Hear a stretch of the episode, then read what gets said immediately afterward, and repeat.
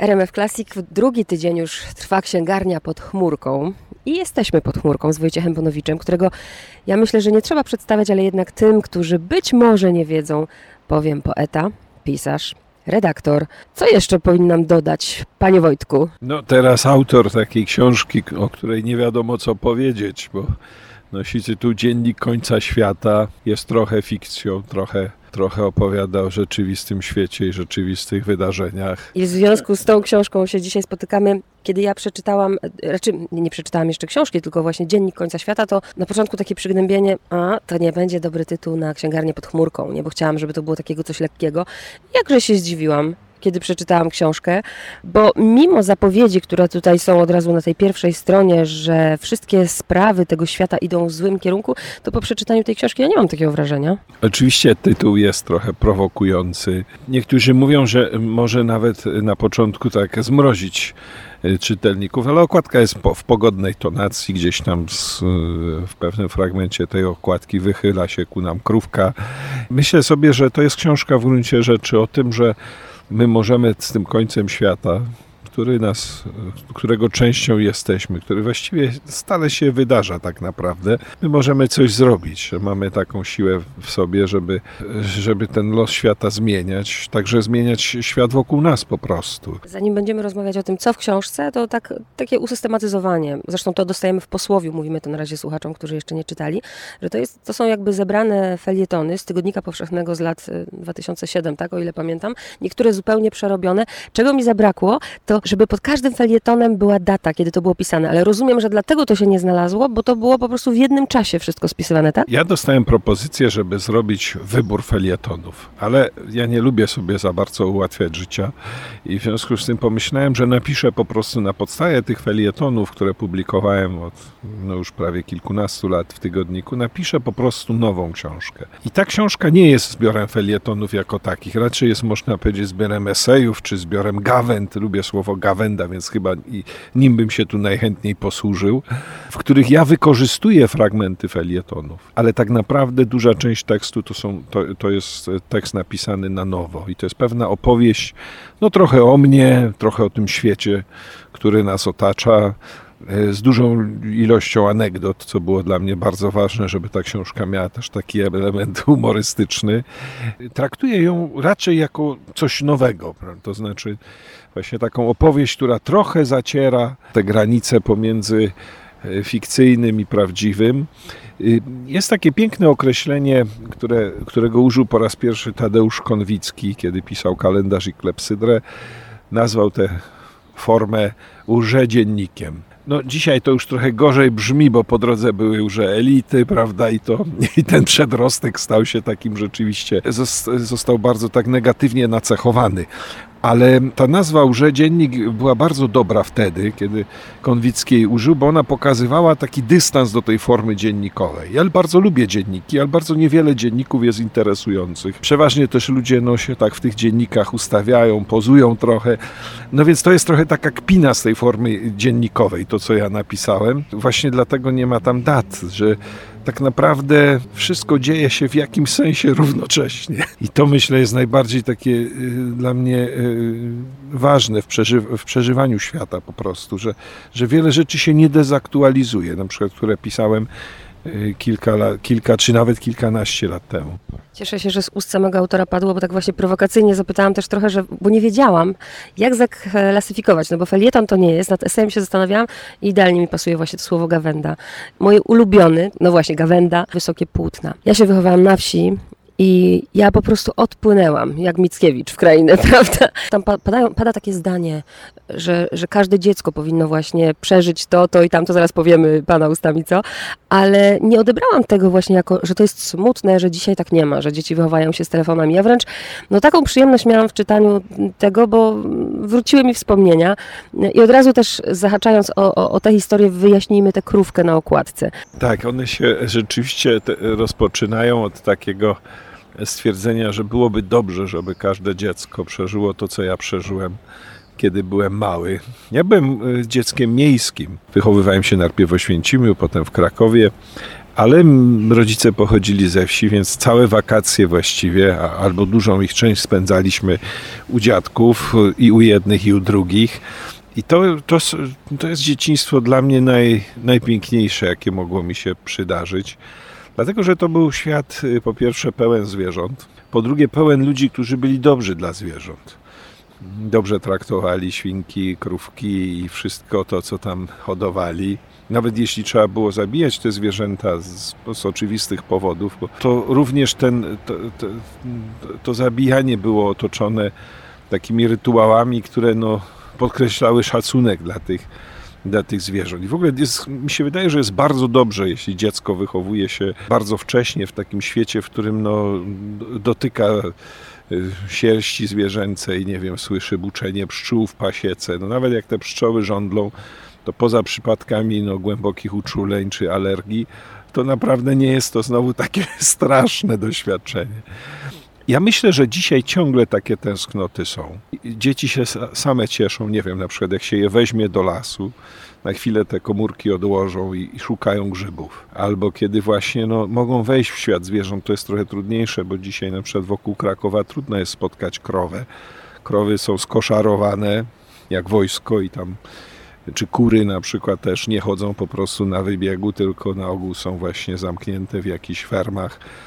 I to jest cierpienie zwierząt, a z drugiej strony to, to jest nasza ogromna strata. Tak mi się wydaje, że, że dziecko powinno mieć dużo kontaktów z tym światem zwierzęcym. Ono się uczy przy nich, przy zwierzętach cierpliwości, uczy się pewnej czułości. Uczy się także radzenia sobie z pewnymi trudnymi doświadczeniami. Nie wszystkie zwierzęta są znowu aż tak sympatyczne. Psy, które ludzie trzymali na łańcuchach, na pewno takie nie były. Ale z drugiej strony ten świat y, wsi tamtej był takim światlo, światem bardzo jasnym dla mnie. Dużo się pracowało fizycznie. Myśmy oczywiście gonili po polach i po drzewach, ale mieliśmy też swoje bardzo konkretne obowiązki.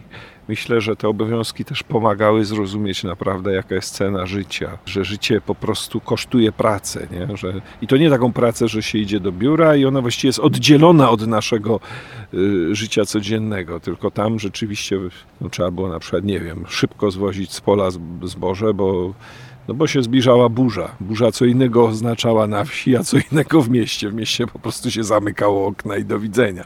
A tam była związana z pracą, z ogromnym wysiłkiem, żeby uratować, bo inaczej nie będzie chleba. Nie mam takiego w sobie nastawienia, że kiedyś było pięknie, a dzisiaj jest strasznie. Ale chcę podsunąć pewne takie wspomnienia, żeby pokazać też, że my możemy chociaż troszkę próbować się do tego świata zbliżyć, kiedy właśnie zabieramy dzieci, czy, czy w las, czy nad jeziora, czy nad morze. I niekoniecznie nad tym morzem musimy szukać, no właśnie, smażalni ryb, czy gofrowni, tylko możemy tam poszukać także właśnie spotkania z naturą. Tym bardziej, że tu właśnie zaskoczył mnie pan y, po rozmowie z trzecioklasistami o dzieciach z Bulerbyn. Ja się też wychowałam przecież na tej lekturze i też ją uwielbiałam. Mało tego, dzieciaki dalej czytają tę samą lekturę i też ją uwielbiają, nawet jak się z nimi rozmawia. Czyli okazuje się, że to doświadczenie, y, choćby lekturowe, wcale nie jest tak dalekie od naszego. Dzieci z Bullerbyn zapisują taką tęsknotę, którą ma, my, myślę mamy wszyscy, kiedy jesteśmy mali. To znaczy, żeby istniała pewna wspólnota przyjaciół, nie czy rodzeństwa, czy kuzynostwa. Taka wspólnota, w której my się kłócimy, prawda, trochę sobie nawet dokuczamy, robimy sobie jakieś psikusy, ale która jest bardzo mocno scementowana. Ja taką wspólnotę wtedy przeżywałem.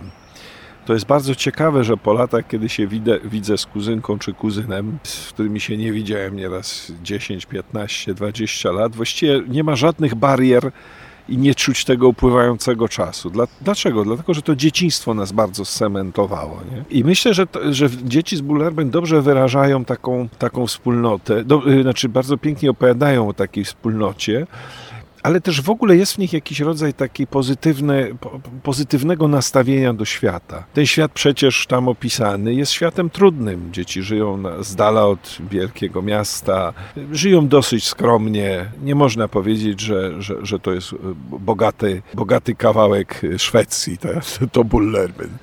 Ale jednak e, doświadczają szczęścia po prostu. To szczęście jest związane z, nie wiem, z rodzicami, ale przede wszystkim no właśnie z tym, że mogą, y, mogą be, mają taki bezpośredni dostęp do różnych skarbów natury. Mi się wydaje, że to jest trochę tak jak z rysunkami dziecięcymi, prawda?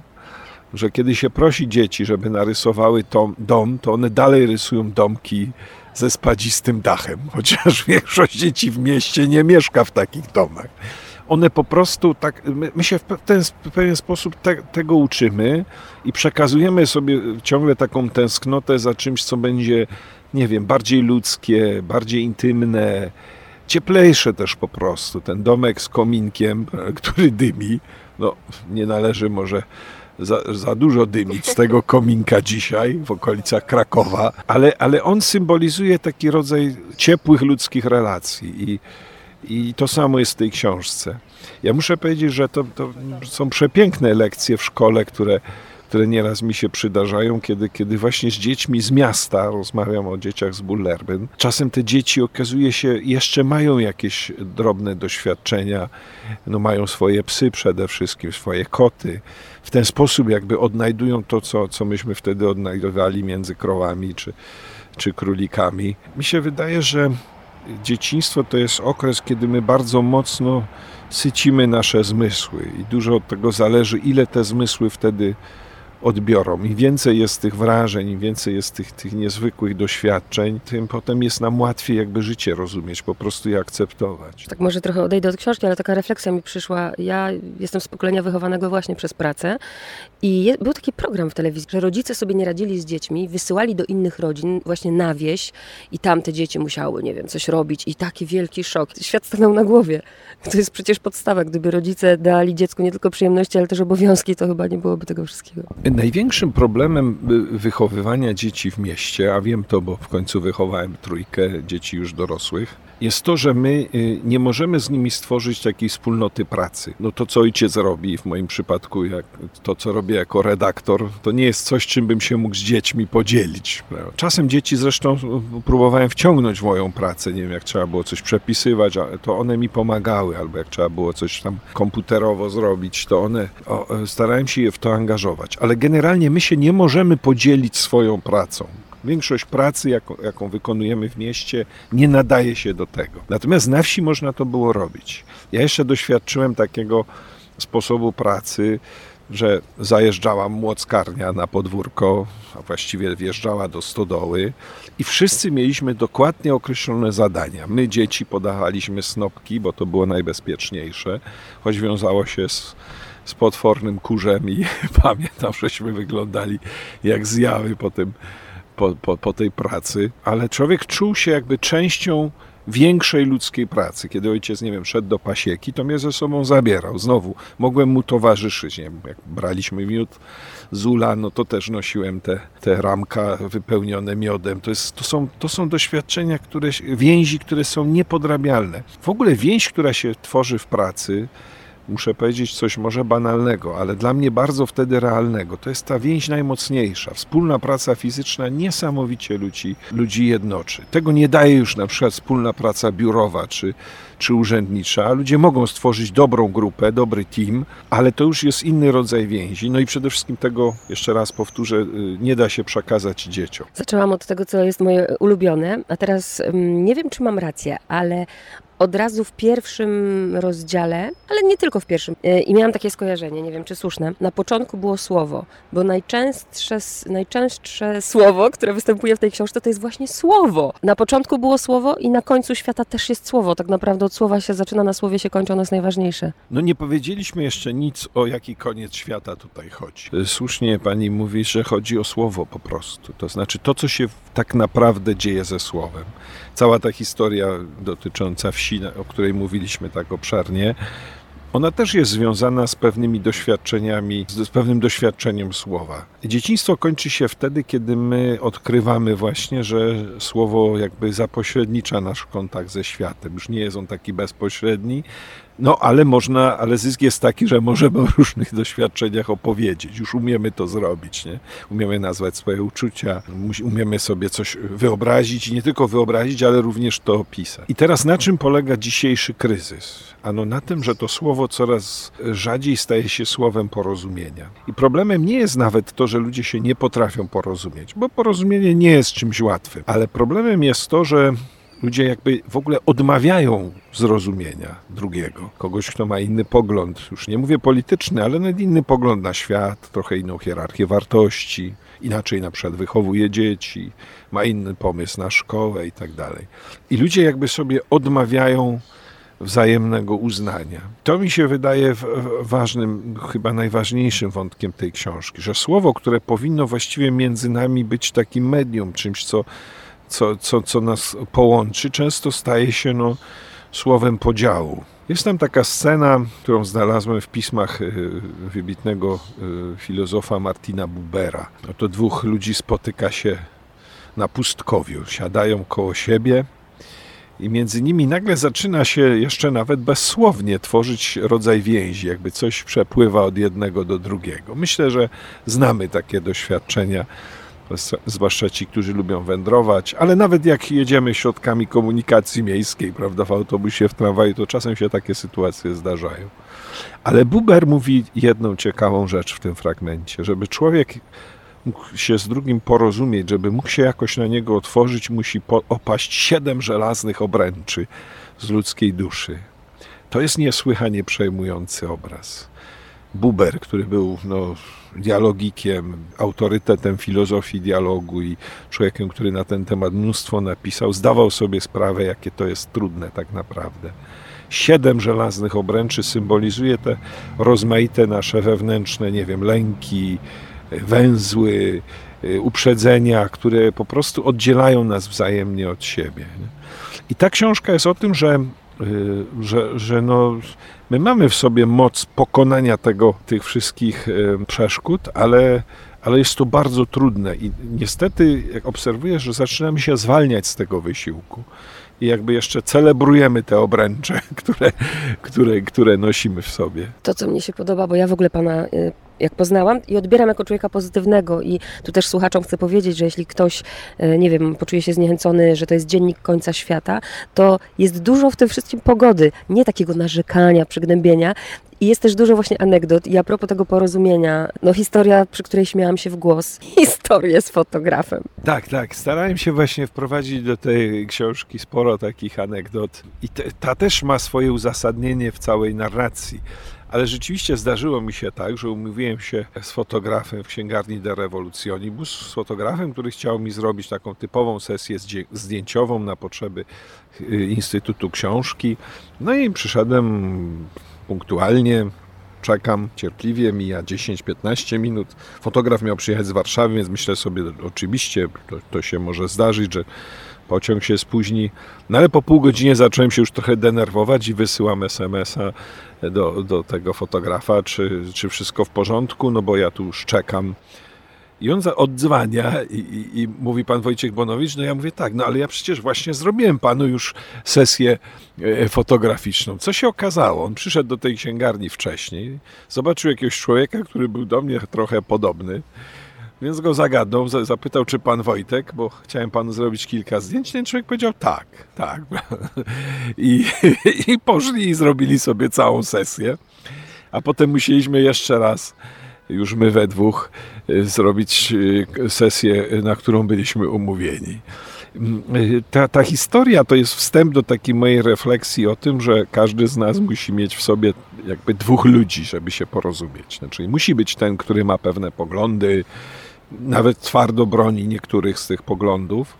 No ale musi być też w nas ktoś, kto jest skłonny właśnie się otworzyć, kto jest może nie tyle y, bardziej miękki, ale jest na pewno skłonny właśnie zrozumieć rację drugiego, nie wiem, poszukać takiego wspólnego obszaru, na którym możemy się spotkać, powiedzieć sobie, no tu się nie spotkamy, ale tu obok jest miejsce, w którym y, spotkać się możemy, tu możemy być solidarni, możemy się wzajemnie poprzeć i tak dalej. I wydaje mi się, że to jest bardzo istotne, żeby sobie też to uświadomić, żeby nie być taką, takim monolitem. Kultura jest tak sformułowana, nasza współczesna, że ceni sobie taką monolityczność. Oto człowiek jak skała. Ale to, to nie do końca jest prawda. Człowiek powinien stać e, na skalę. Mówi Ewangelia. Nie? Powinien mieć jakiś fundament. Ale, ale sam człowiek y, dobrze, żeby jakby rozumiał że inni są troszkę w innym miejscu, troszkę inaczej ten świat widzą, patrzą na niego z innego okna, na inne rzeczy zwracają uwagę. I jeśli tego zabraknie, to będą stały obok, siebie takie słupy, ale się nigdy ze sobą nie dogadają. Myślał pan kiedykolwiek, bo mnie właśnie to zastanowiło, ten pan Wojtek, który Zastanawiam się, czy tak aż był otwarty, czy takie miał poczucie humoru. Zastanawiał się pan przez chwilę, co to za pan Wojtek, który zgodził się na sesję po prostu. Tak, tak. Ja, ja mam pewne podejrzenia, kto to mógł być, ale y, oczywiście nie, nie, nie dzielę się nimi tutaj z czytelnikami. Był to pewien zbieg okoliczności, bo prawdopodobnie był to też człowiek, który współpracuje z Tygodnikiem Powszechnym okazjonalnie i akurat rzeczywiście się parę rzeczy, parę rzeczy zbiegło. Y, mnie się wydaje, że ta y, ta anegdota też dobrze pokazuje, że życie nam w ogóle da, poda, darowuje bardzo często takie humorystyczne sytuacje. Warto zapisywać, bo ja w tej książce w ogóle wzywam tak wszystkich czytelników, czytelniczki moje, żeby po prostu, żeby po prostu zapisywali to, co zabawne. Ludzie się dzielą niesamowitymi anegdotami ze sobą, tylko trzeba po prostu to, to też starać się utrwalić.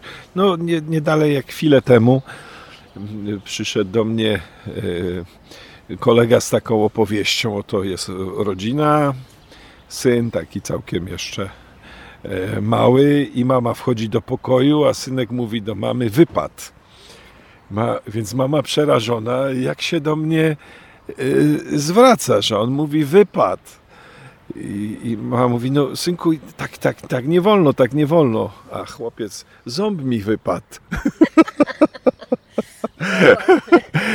I ja bym powiedział, że ludzie wymyślają niesamowite nieraz memy i dowcipy, ale życia z jego naturalnym humorem właściwie nic nie jest w stanie przebić. To po prostu życie samo przynosi nieustające yy, wspaniałe historie.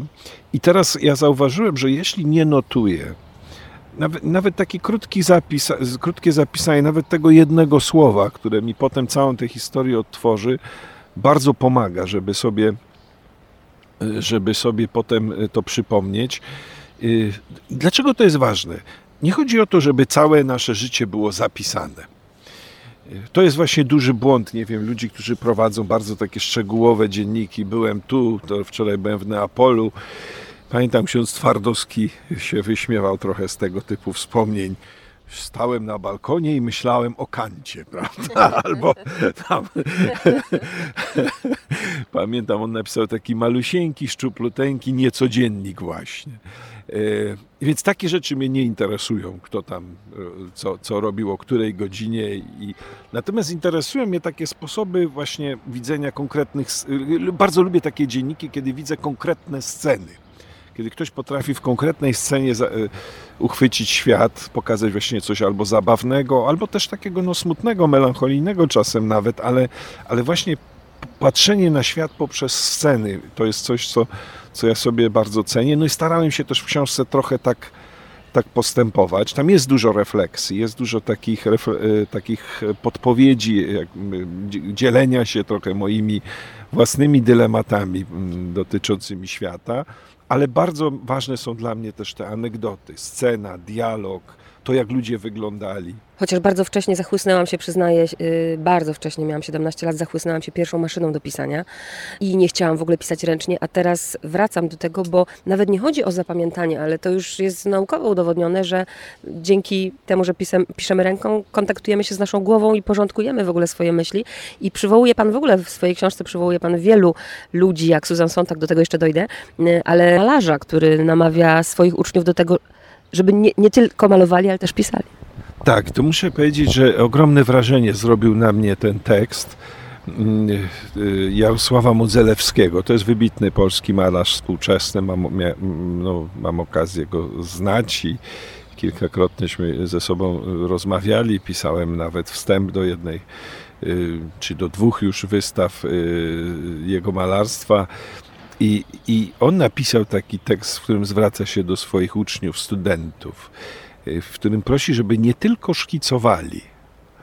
Oni mają szkicowniki pełne rozmaitych rysunków, nie? pejzaży, portretów, scen i tak dalej, ale żeby również notowali.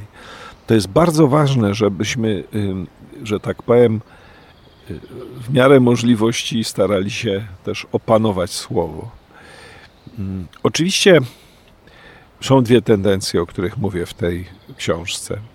Jedną z nich symbolizują ci wszyscy, którzy właśnie jakby pracują nad słowem, starają się jak najbardziej je, e, starają się, walczą o każde zdanie. Witold Gombrowicz jest tu w tej książce takim symbolem kogoś takiego, kto, kto w największej biedzie jakby rzuca wszystko i siedzi, pisze transatlantyk na przykład. Nie? Ale z drugiej strony są też tacy pisarze, takie pisarki, które y, jakby powściągają w sobie tę pasję do pisania. To jest symbolem tutaj jest Krystyna Miłobęcka, bardzo mi bliska osoba, bardzo ważna dla mnie poetka, może jedna z najważniejszych osób w ogóle w literaturze, mm, która potrafi spędzić całe długie tygodnie nad tym, y, żeby napisać y, zdanie składające się z sześciu słów która z kolei jest bardzo właśnie ostrożna w stosunku do tej gadatliwości świata.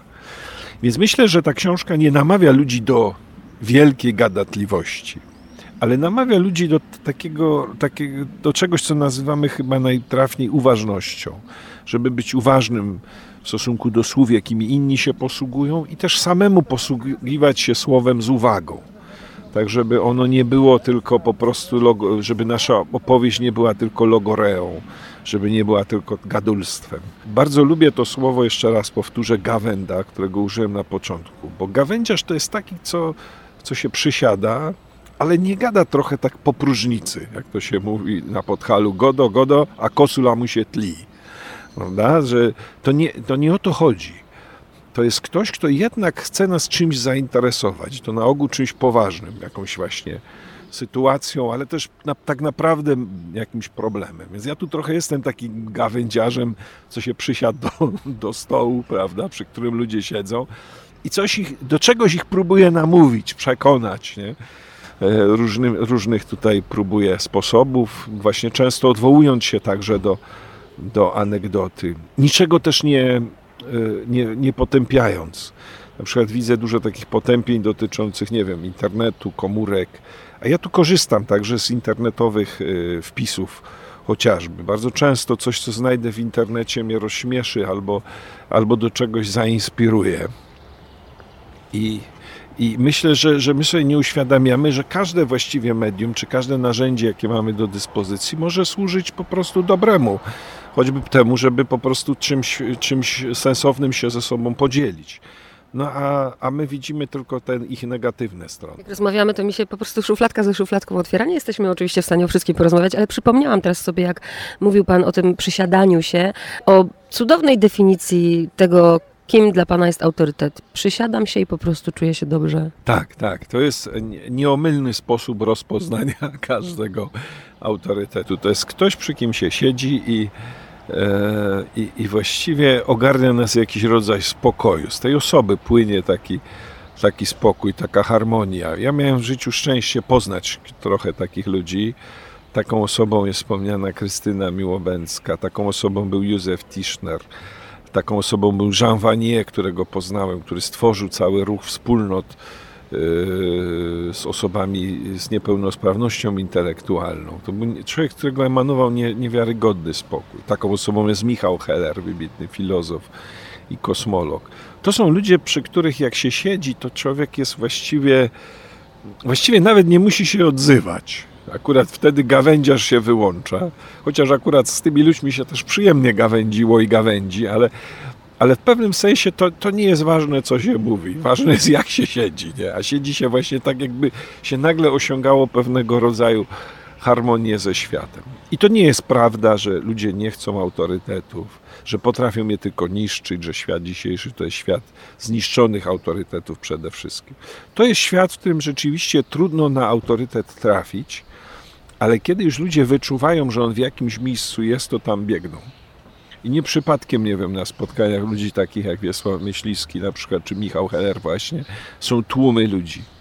Bo po prostu ludzie czują, że tam się dzieje coś ważnego. Oni nawet nie muszą nic specjalnie odkrywczego mówić, chociaż na ogół mówią. ale istotne jest to, jakimi osobami są. Ludzie po prostu, y, na, na ludzi działa pewien, pe, pewna aura tej osoby i ta aura ich uzdrawia, nawet bardziej nieraz niż słowo. My sobie uświadamiamy coraz bardziej, że, że możemy sprowadzić na ten świat, a właściwie sprowadzamy w tej chwili, to trzeba w czasie teraźniejszym powiedzieć, katastrofę. Może nie, da, nie, nie my jej doświadczymy w, w takich taki bardzo tragiczny, skrajny sposób, ale nasze dzieci czy wnuki, ale, ale my jesteśmy bardzo za nią odpowiedzialni. Dokonaliśmy nieodwracalnych zmian w świecie. Ja nie piszę w ogóle o ekologii i o kryzysie ekologicznym. Ja piszę o tej ekologii międzyludzkiej, bo tu jest problem. A propos, bodajże to było w ostatnim i co dalej. I ja cały czas doceniam jakby to, że, że właśnie pan nie, nie idzie w stronę narzekania, ale czytając to wszyscy, przynajmniej ja tak kiwam głową, że przydałoby się takie biuro tłumaczeń w języku, prawda, że nie rozumiemy nie tylko tego, co czytamy, że potrzebne by było to, żeby ludzie wreszcie zaczęli, co drugi Polak pisze, nie? czy co trzeci, zaczęli czytać to, co zostało napisane, nie tylko na takim poziomie, ale też właśnie nie rozumiemy siebie sami nawzajem. No problem jest jeszcze głębszy, e, jak powiedziałem, bo, bo właściwie już nie chcemy za bardzo siebie słuchać. Właściwie wszystkie analizy, wszystkie analizy e, dotyczące no, tej sprawy, o której powiedziałem, problemu zmian klimatycznych, ekologii i tak właściwie są dokonane. Wiadomo, co zrobić. Od, od, nie wiem, od publicystów gazet lokalnych po papieża Franciszka właściwie napisano na ten temat yy, mnóstwo. I dalej jakbyśmy żyli trochę w pewnej beztrosce. Jest jakiś, widocznie jest w nas jakiś rodzaj, nie wiem, oporu, niewiary w to, że ta zmiana jest możliwa, nie? że ta zmiana na przykład zależy od nas. To jest bardzo częste, kiedy się z ludźmi o tym rozmawia, o jakimś problemie. Ja mówię, no dobrze, widzicie problem, no to teraz spróbujmy go zmienić. No nie da się. Większość ludzi odpowiada, nie da się. W XXI wieku w Polsce, w kraju, w którym jest internet, internet nie jest jeszcze kontrolowany, nie ma jakby żadnych barier komunikacyjnych, mamy telefony, możemy... Ludzie mówią, nie da się rozwiązać tego czy innego problemu. Nie potrafią wytworzyć, nie wiem, presji na samorząd, na rząd, nie potrafią stworzyć organizacji, która jakąś sprawą będzie się zajmować. A z drugiej strony od razu podam całą masę przykładów, że to się udaje. To, co mnie szalenie na przykład yy, w związku z internetem yy, zachwyca, to jest to, że, że po prostu tak szybko można na przykład zgromadzić pieniądze, nie tylko na operację kogoś chorego, nie wiem, na ratowanie psa, na, na, yy, na, na festiwal literacki, prawda, na, na, na, na, nawet na czyjąś wycieczkę, kogoś, kogo nie, nie, na tę wycieczkę nie stać, a o niej marzy. Więc to, to jest, że my y, mamy naprawdę dużo okazji do dobrego i dużo okazji, żeby naszej, nasza energia się nie zmarnowała. I teraz ta niewiara mnie fascynuje. Dlaczego mimo tych okazji, mimo tego, że, że te narzędzia są w naszym zasięgu, jakiś zwycięża nas rodzaj, zwycięża wielu z nas, nie mówię we wszystkich, ale w, w wielu z nas, czy w niektórych z nas zwycięża jednak taka, taki rodzaj defensywności, prawda, że nie należy się za bardzo angażować, bo, e, bo, mm, bo, bo, bo, no bo nie mamy wpływu.